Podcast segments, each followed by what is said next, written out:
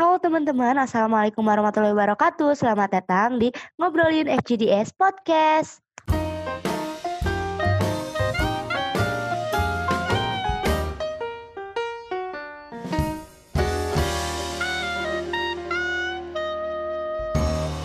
Nah, balik lagi nih sama kita kelompok 5 dari Administrasi Publik Visip Unpas angkatan 2018. Sebelumnya perkenalkan dulu ya di kelompok 5 ini ada aku Almanur Zaida Kusnadi, ada Ferdiansyah, ada Ilyas, Rizky Akbar, Novi, Michael, Agus, dan Bayu. Nah, di episode kali ini, episode ke-12, kita bakal ngebahas topik yaitu mitigasi dan adaptasi perubahan iklim. Untuk selanjutnya biar mempersingkat waktu nih kita langsung aja nih ya kita masuk ke ngobrol-ngobrol perihal uh, yang tadi udah aku sebutin. Sebelumnya untuk pembahasan awal bakal dibahas sama Ferdi. Silakan Ferdi. Oke, makasih Alma buat teman-teman juga. Jadi buat pembahasan ini tuh emang sebenarnya perubahan iklim lah ya. Perubahan iklim tuh emang masalah yang gak ada habis-habisnya gitu.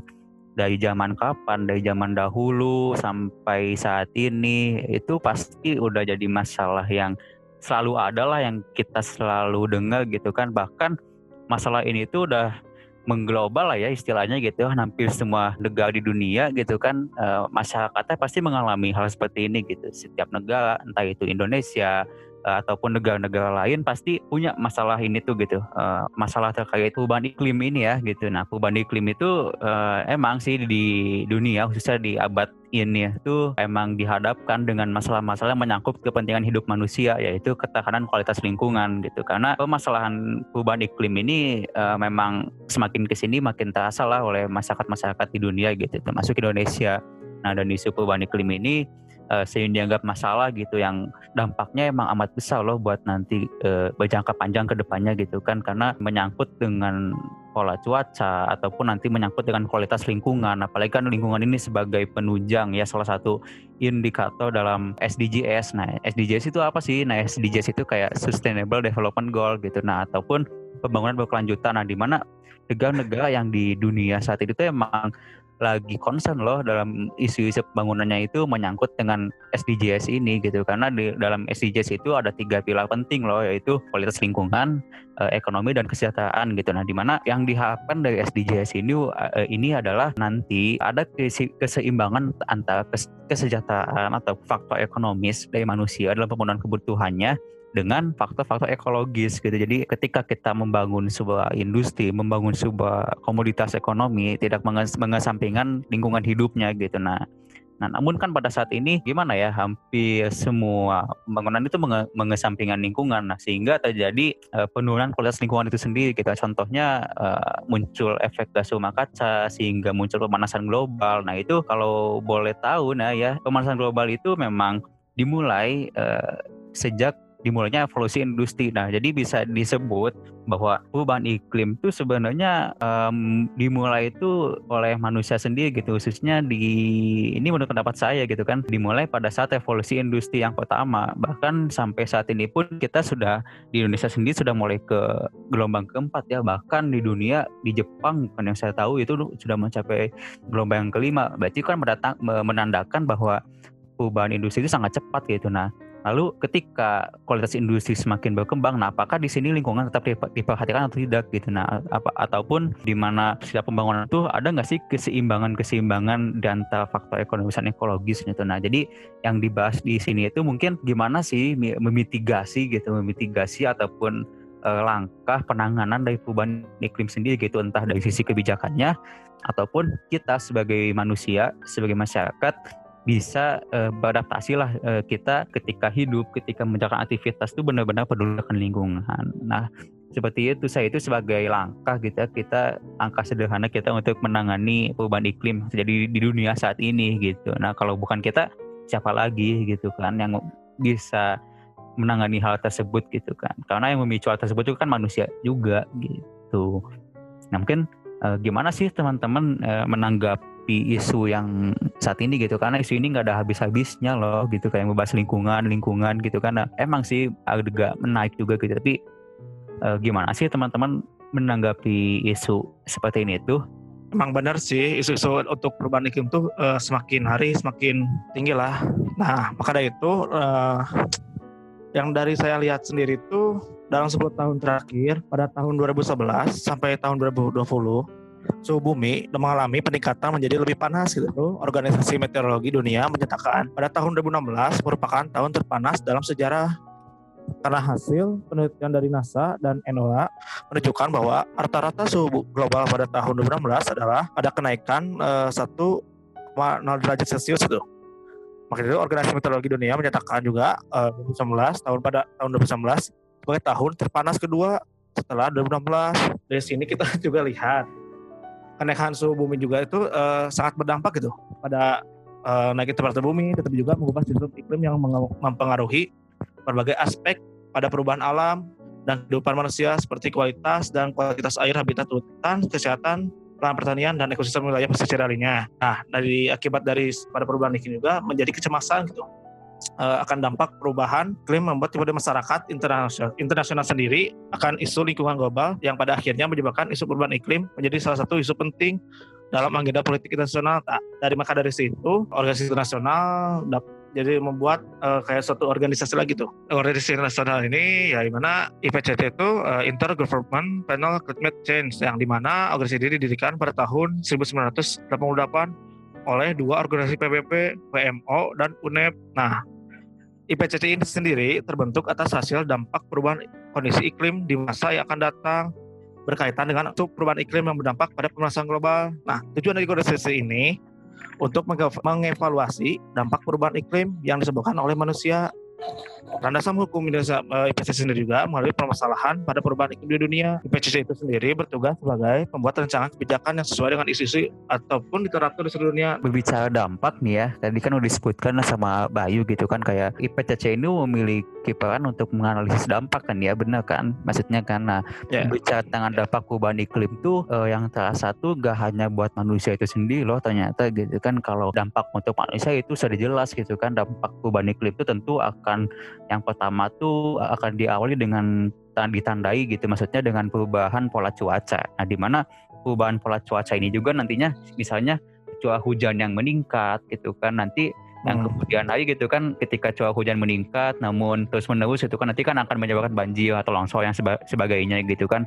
walaupun walaupun ya. sebaliknya gitu kan nanti selain curah hujan meninggi terus muncul kekeringan gitu kan nah di mana kekeringan itu nanti akan menyulitkan uh, para petani gitu dalam usaha uh, produktivitas uh, aktivitas pertaniannya gitu. Seperti nanti muncul seperti gagal panen gitu kan ataupun muncul bencana-bencana alam gitu kan. Nah itu sebagai dampak terhadap manusia sendiri. Namun ternyata ada dampak juga gitu untuk uh, tumbuhan ataupun biota-biota uh, yang ada di dunia ini gitu. Seperti uh, menyebabkan kurang apa ya pertumbuhan sit tumbuhan itu sendiri gitu kan menjadi layu ataupun kurang apa mendapat nutrisi gitu kan karena perubahan pola cuaca yang tidak menentu. Nah di sisi lain juga ketika tumbuhan banyak yang mati akibat perubahan iklim uh, itu akan berakibat juga kepada hewan-hewan yang ada di dunia gitu kan karena kebanyakan hewan pun ada yang makan banyak tambu tumbuhan gitu kan. Nah di sini uh, stabilitas uh, rantai makanan gitu ekosistem di lingkungan tuh menjadi terganggu juga gitu sebenarnya. Jadi sebenarnya berbicara dampak tuh ya perubahan iklim tuh nggak hanya berdampak kepada manusia juga loh, tapi seluruh makhluk hidup yang ada di dunia ini juga terdampak.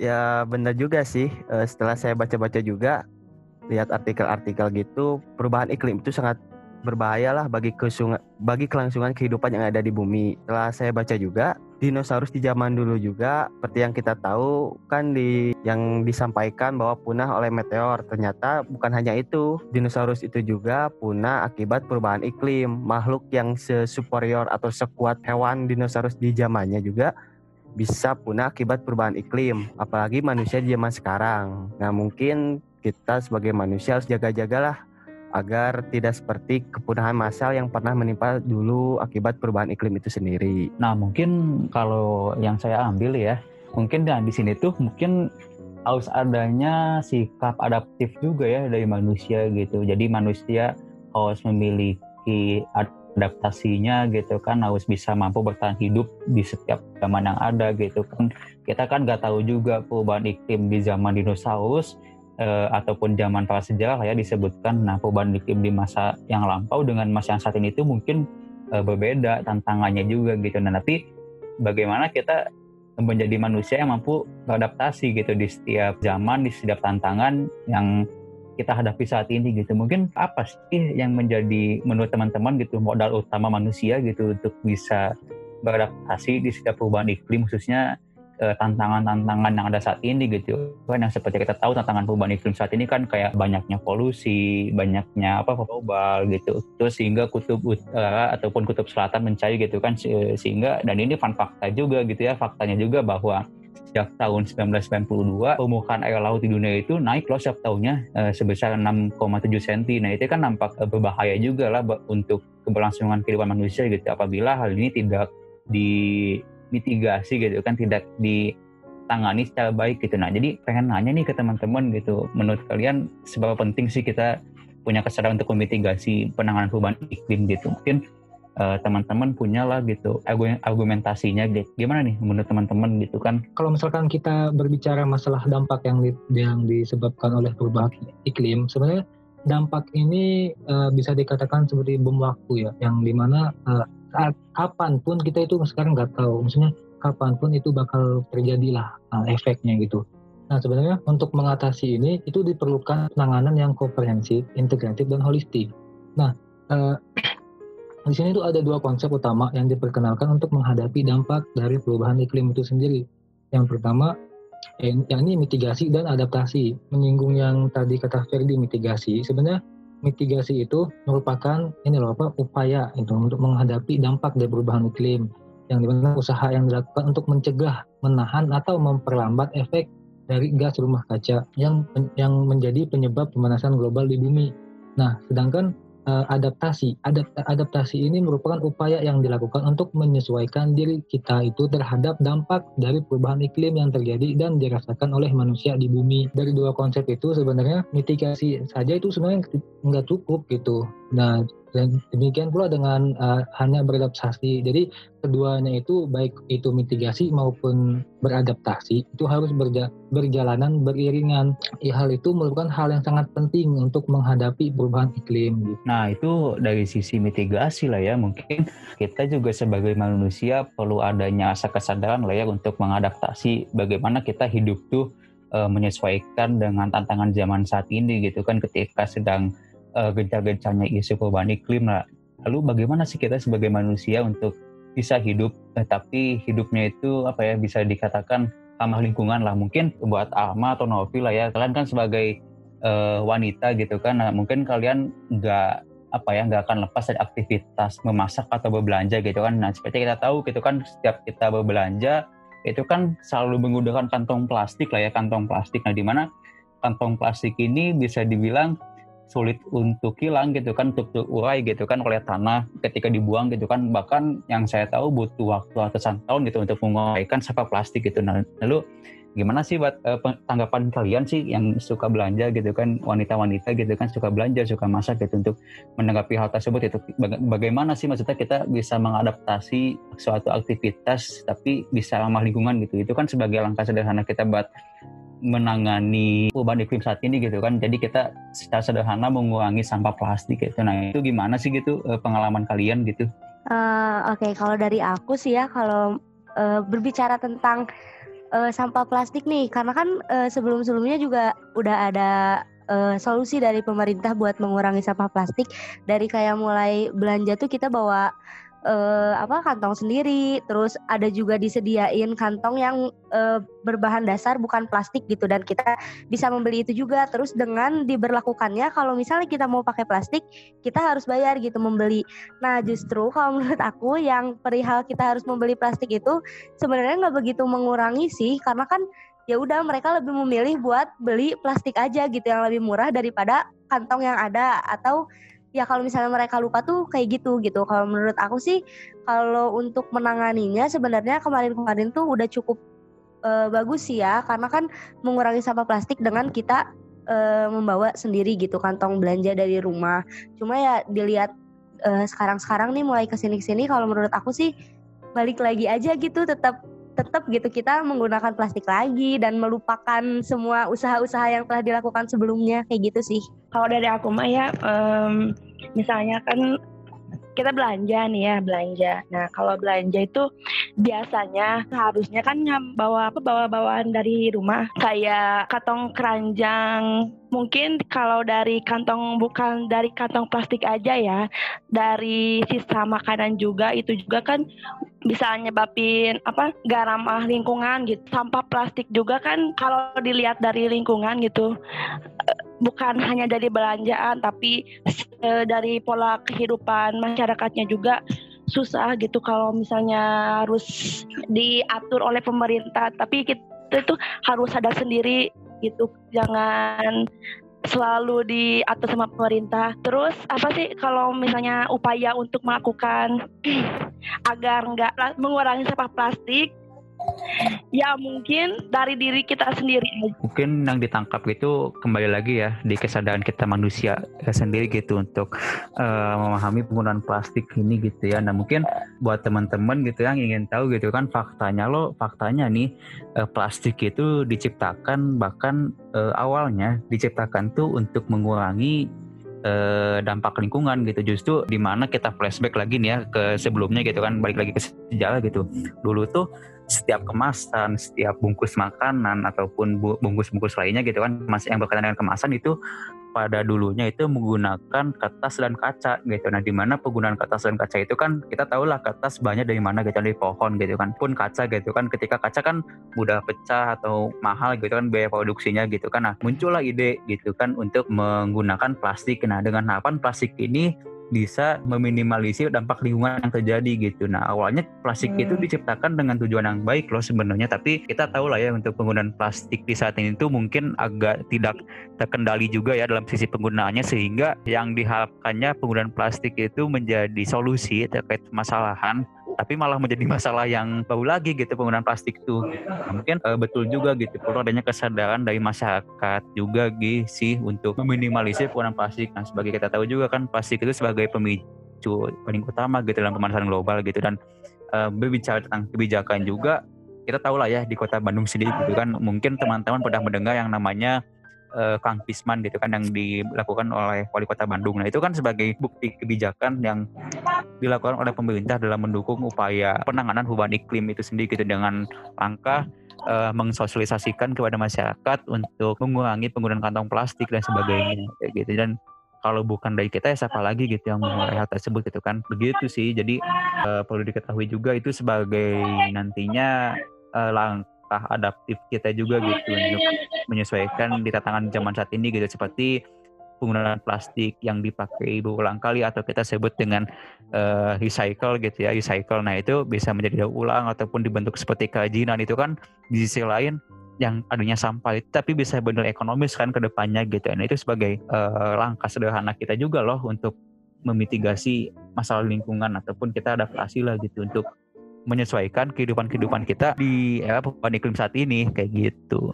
Sebenarnya kalau baik lagi dampak nih ya, eh, selain plastik nih itu kan baik lagi lah ke pemicu awal kita flashback lagi lah ya, kita bermain flashback lah dalam pembahasan saat ini gitu kan.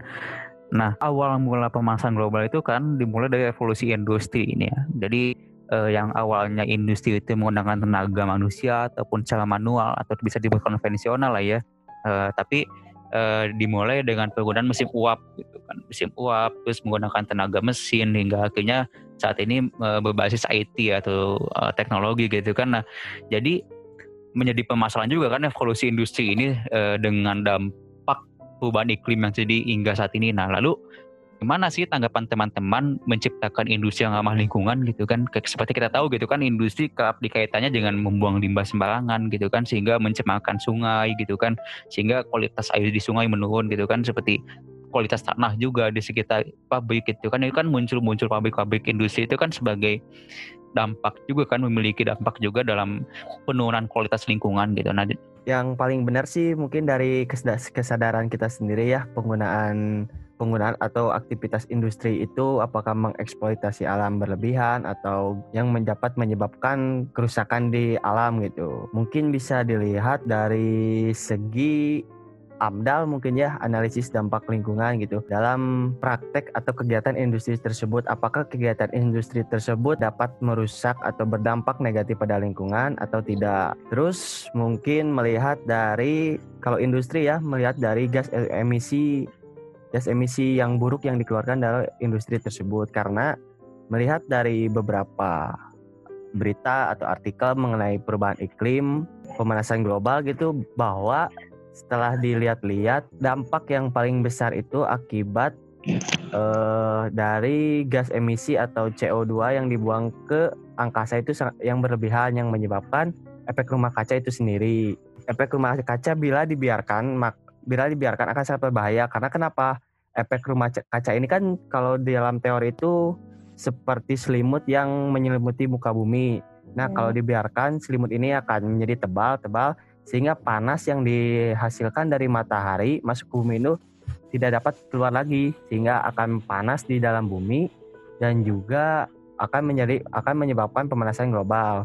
Mungkin paling utama adalah pencegahan dari pemanasan global ini adalah mengurangi gas emisi yang dihasilkan dari kegiatan industri tersebut dengan apa? Dengan melihat kembali AMDAL atau analisis dampak lingkungan sebelum melakukan kegiatan industri atau paling simpel adalah aktivitas yang manusia yang mengeluarkan gas emisi seperti mengurangi penggunaan kendaraan bermotor atau pemakaian listrik mungkin yang kalau listriknya masih menggunakan batu bara kan masih sama aja gitu. Mungkin ke depannya bisa ini ya uh, Pak Elias. Jadi membangun tenaga listrik seperti di Belanda gitu kan ya kayak membangun listrik tenaga angin gitu kan dengan kincirnya gitu kan ataupun yang saya tahu di Swedia ya di Swedia itu sudah mulai membangun PLTS nah PLTS itu memang pembangkit listrik tenaga sampah nah itu kan bisa kayak di sisi lain mengurangi sampah di kita juga gitu kan. Seperti kita tahu kan di Bantar Gebang ataupun di daerah lain pun sampah tuh udah kayak menggunung loh. Udah banyak banget itu. Kalau kalau nggak di, dibiarin aja gitu disimpan di situ lama-lama jadi gunung kan nggak ada digunain. Nah mungkin kita bisa mencontoh Swedia ya negara yang sudah memulai membangun pembangkit listrik tenaga sampah. Itu suatu inovasi uh, yang amat bagus sih sebagai un, sebagai ini ya inovasi untuk mencegah ataupun menangani perubahan iklim. Nah salah, satu khususnya itu uh, pemanasan global gitu. Nah, balik lagi ke AMDAL nih ya, balik lagi ke AMDAL gitu. Seberapa penting sih AMDAL ini dalam kegiatan industri? Nah khususnya itu AMDAL tuh patokannya tuh seberapa sentral sih dalam penanganan uh, lingkungan ini sih gitu. Mungkin seberapa penting AMDAL ya Ya AMDAL itu bisa dikatakan sangat penting bagi setiap pembangunan yang akan dilakukan. Karena kenapa? AMDAL itu kan sebuah instrumen yang di mana untuk menganalisis apakah pembangunan ini pembangunan yang dilakukan ini itu sudah sesuai dengan kaidah-kaidah yang berlaku seperti tidak merusak lingkungan, tidak mencemari lingkungan, dan tidak juga berdampak negatif bagi masyarakat sekitar. Hmm, berarti uh, tadi disebutkan ya oleh Ilyas AMDAL itu sangat penting bagi setiap pembangunan. Berarti ini balik lagi ya ke SDGs yang kita bahas di awal ya. Jadi SDGs itu kan ada melibatkan faktor lingkungan ya se secara intens gitu. Nah mungkin AMDAL ini menjadi salah satunya ya, salah satu implementasi daripada pelaksanaan SDGs itu sendiri gitu. Nah mungkin faktor-faktor apa aja sih gitu yang menunjang uh, dalam proses pembangunan berkelanjutan ini gitu. Iya, sebenarnya kalau misalkan kita bicara masalah mitigasi, mitigasi itu kan uh, pencegahan ya yang tadi sempat disinggung yang apa penurunan gas rumah kaca gitu kan. Nah sebenarnya uh, dari menurut laporan UNEP itu um, ada empat prinsip tuh dalam mitigasi tersebut. Yang pertama adanya eliminasi, yakni dengan cara eliminasi tersebut dengan uh, ada cara menghindari penggunaan alat-alat penghasil emisi gas rumah kaca. Misalnya mengganti bola lampu pijar dengan lampu LED yang lebih hemat energi. Nah, Terus kedua yaitu adanya pengurangan eh, yakni dengan mengganti peralatan lama dan atau mengoptimalkan struktur yang sudah ada. Misalnya mematikan alat-alat listrik yang tidak terpakai, menggunakan energi secara hemat dan efisien. Nah, selanjutnya yang ketiga itu ada substitusi. Substitusi sendiri adalah penggunaan energi terbarukan untuk memenuhi kebutuhan listrik dan atau pemanas. Misalnya dengan mem mem memanfaatkan tenaga surya angin, air, bioenergi, atau panas bumi sebagai pengganti bahan bakar fosil. Nah, dan yang terakhir, yang keempat, yang ada offset, yakni cara ini berbi berbiaya rendah tetapi memiliki manfaat yang cukup besar. Langkah yang diambil adalah melalui reboisasi atau refor reforestasi. Cara ini harus dilakukan dengan cangkupan yang besar sehingga sering menjadikan kendala.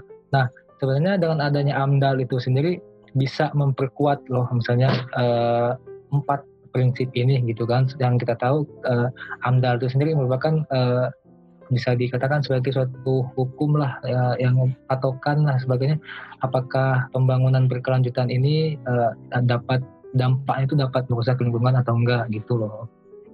Hmm, iya. Uh, aku mau nyambung dong. Sok sok. Nah berbicara mengenai tadi tuh Rikbar tuh ngebahas kayak si Amdal ini tuh. Nah tadi kan uh, Rikbar udah ngebahas tentang Amdal tuh bisa buat penanganan perubahan iklim kan. Nah, di sini juga AMDAL tuh apa menjadi suatu pendekatan lingkungan dalam pelaksanaan pembangunan yang tadi udah disebutin. Nah, sehingga si dampak-dampak negatif yang ditimbulkan dapat diminimalisasi atau dihilangkan dengan mencarikan teknik penyelesaian dampaknya.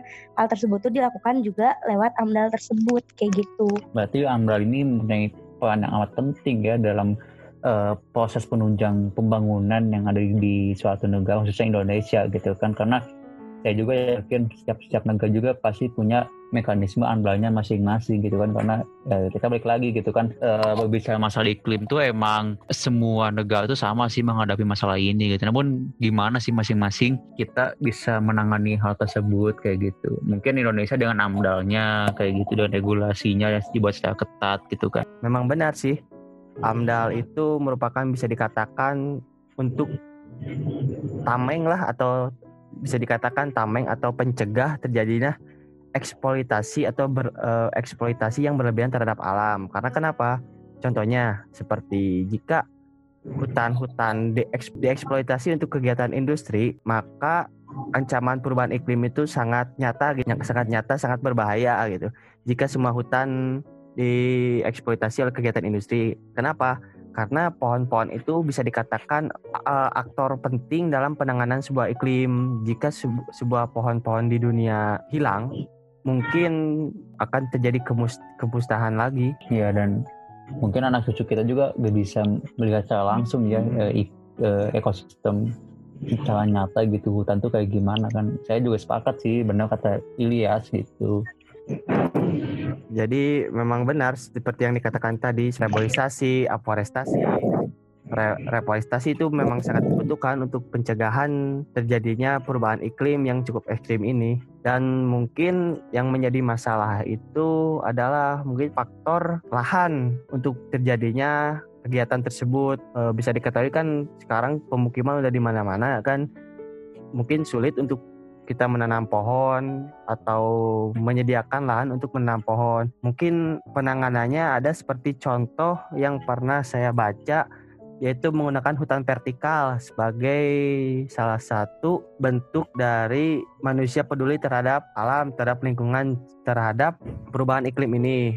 Hutan vertikal itu gimana sih? Seperti kita membangun sebuah gedung, tetapi di dalam di gedung itu ditanami seperti flora flora-flora hutan-hutan gitu. Jadi itu juga bisa sebagai bentuk penanganan iklim di daerah perkotaan gitu supaya daerah kota itu tidak semakin panas karena adanya pohon-pohon di kota tersebut yaitu dengan hutan vertikal. Kalau misalnya banyak tata kelola kota gitu dipenuhi pohon itu akan mengurangi apa sih akan mengurangi polusi mungkin ya. Soalnya kan di kota kebanyakan kendaraan gitu sama sektor industri juga kan biasanya di sektor industri kan hutan itu kan sebagai paru-paru apalagi hutan di Indonesia gitu sebagai paru-paru dunia.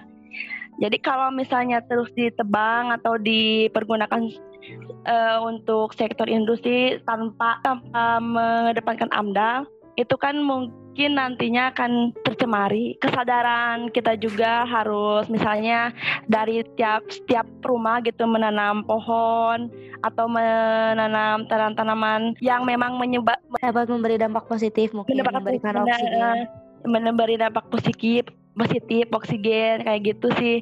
Terus prinsip sih dari prinsip diri sendiri kalau kalau menurut aku ya dari prinsip kalau kita uh, menyayangi alam atau sayang sama alam alam juga bakal sebaliknya sama kita kayak gitu sih. Memang benar sih jika banyak pohon baik itu po penanaman hutan kembali atau penggunaan hutan vertikal tadi juga akan mengurangi kadar karbon dioksida yang yang ada di atmosfer ini. Karena kenapa? Jika karbon dioksida itu terus-terusan banyak atau gas-gas negatif lainnya terus-terusan ada maka pemanasan global tidak tidak bisa dihindari. Mungkin cara yang paling utama itu dari kesadaran dari kesadaran untuk pem, untuk menghentikan penebangan liar pengundulan pohon pengundulan pohon dan juga menanam pohon kembali atau dengan cara alternatif lain seperti hutan vertikal tadi untuk penanganan dari perubahan iklim. Oke nih teman-teman menarik juga ya argumentasi masing-masing gitu. Jadi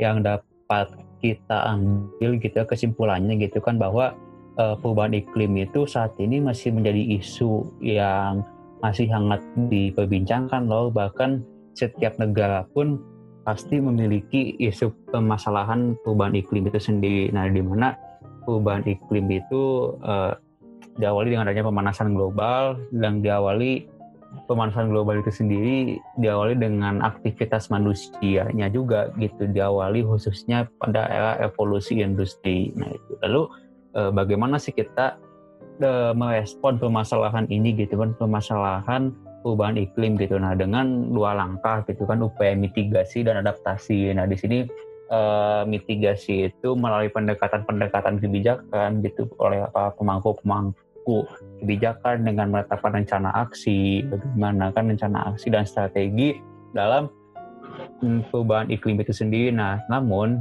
kebijakan yang sudah ditetapkan oleh pemerintah dengan contoh yang tadi disebutkan di Kota Bandung sendiri seperti Kang Pisman gitu, tapi nyatanya harus kembali lagi kepada kesadaran manusia. Nah, di mana manusia ini harus perlu adaptasi, eh, adaptif juga dalam merespon permasalahan yang ada lingkungannya saat ini gitu. Dengan contoh uh, mem membiasakan untuk hidup sehat gitu kan. Untuk melakukan adaptasi hidup dengan cara mendaur ulang sampah plastik. Misal misalnya kan mengurangi sampah plastik. Terus dari segi aktivitas industri bagaimana sih menciptakan industri yang ramah lingkungan dengan menggunakan analisis dampak lingkungannya gitu kan. Nah jadi sebenarnya upaya mitigasi dan adaptasi ini dilakukan sebagai bentuk pelestarian lingkungan loh. Eh, utamanya sebagai penunjang pembangunan yang berkelanjutan atau SDGs.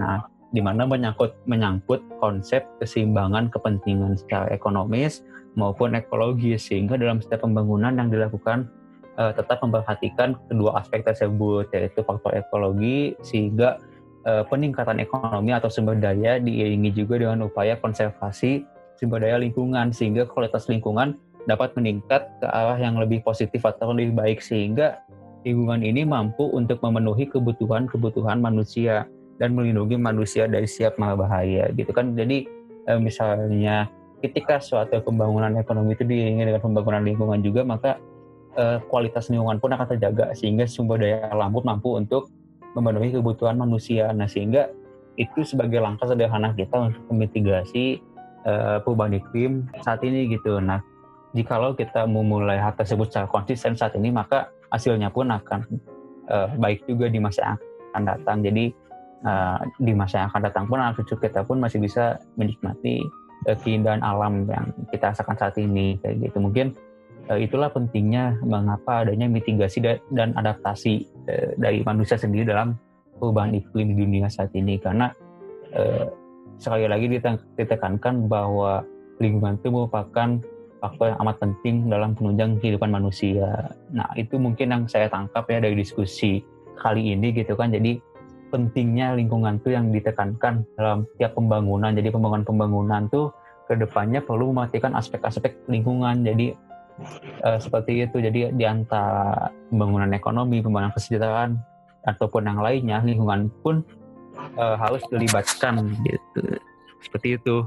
Oke, udah mungkin segitu kali ya buat podcast kali ini ngobrol-ngobrol kita mengenai SGDS.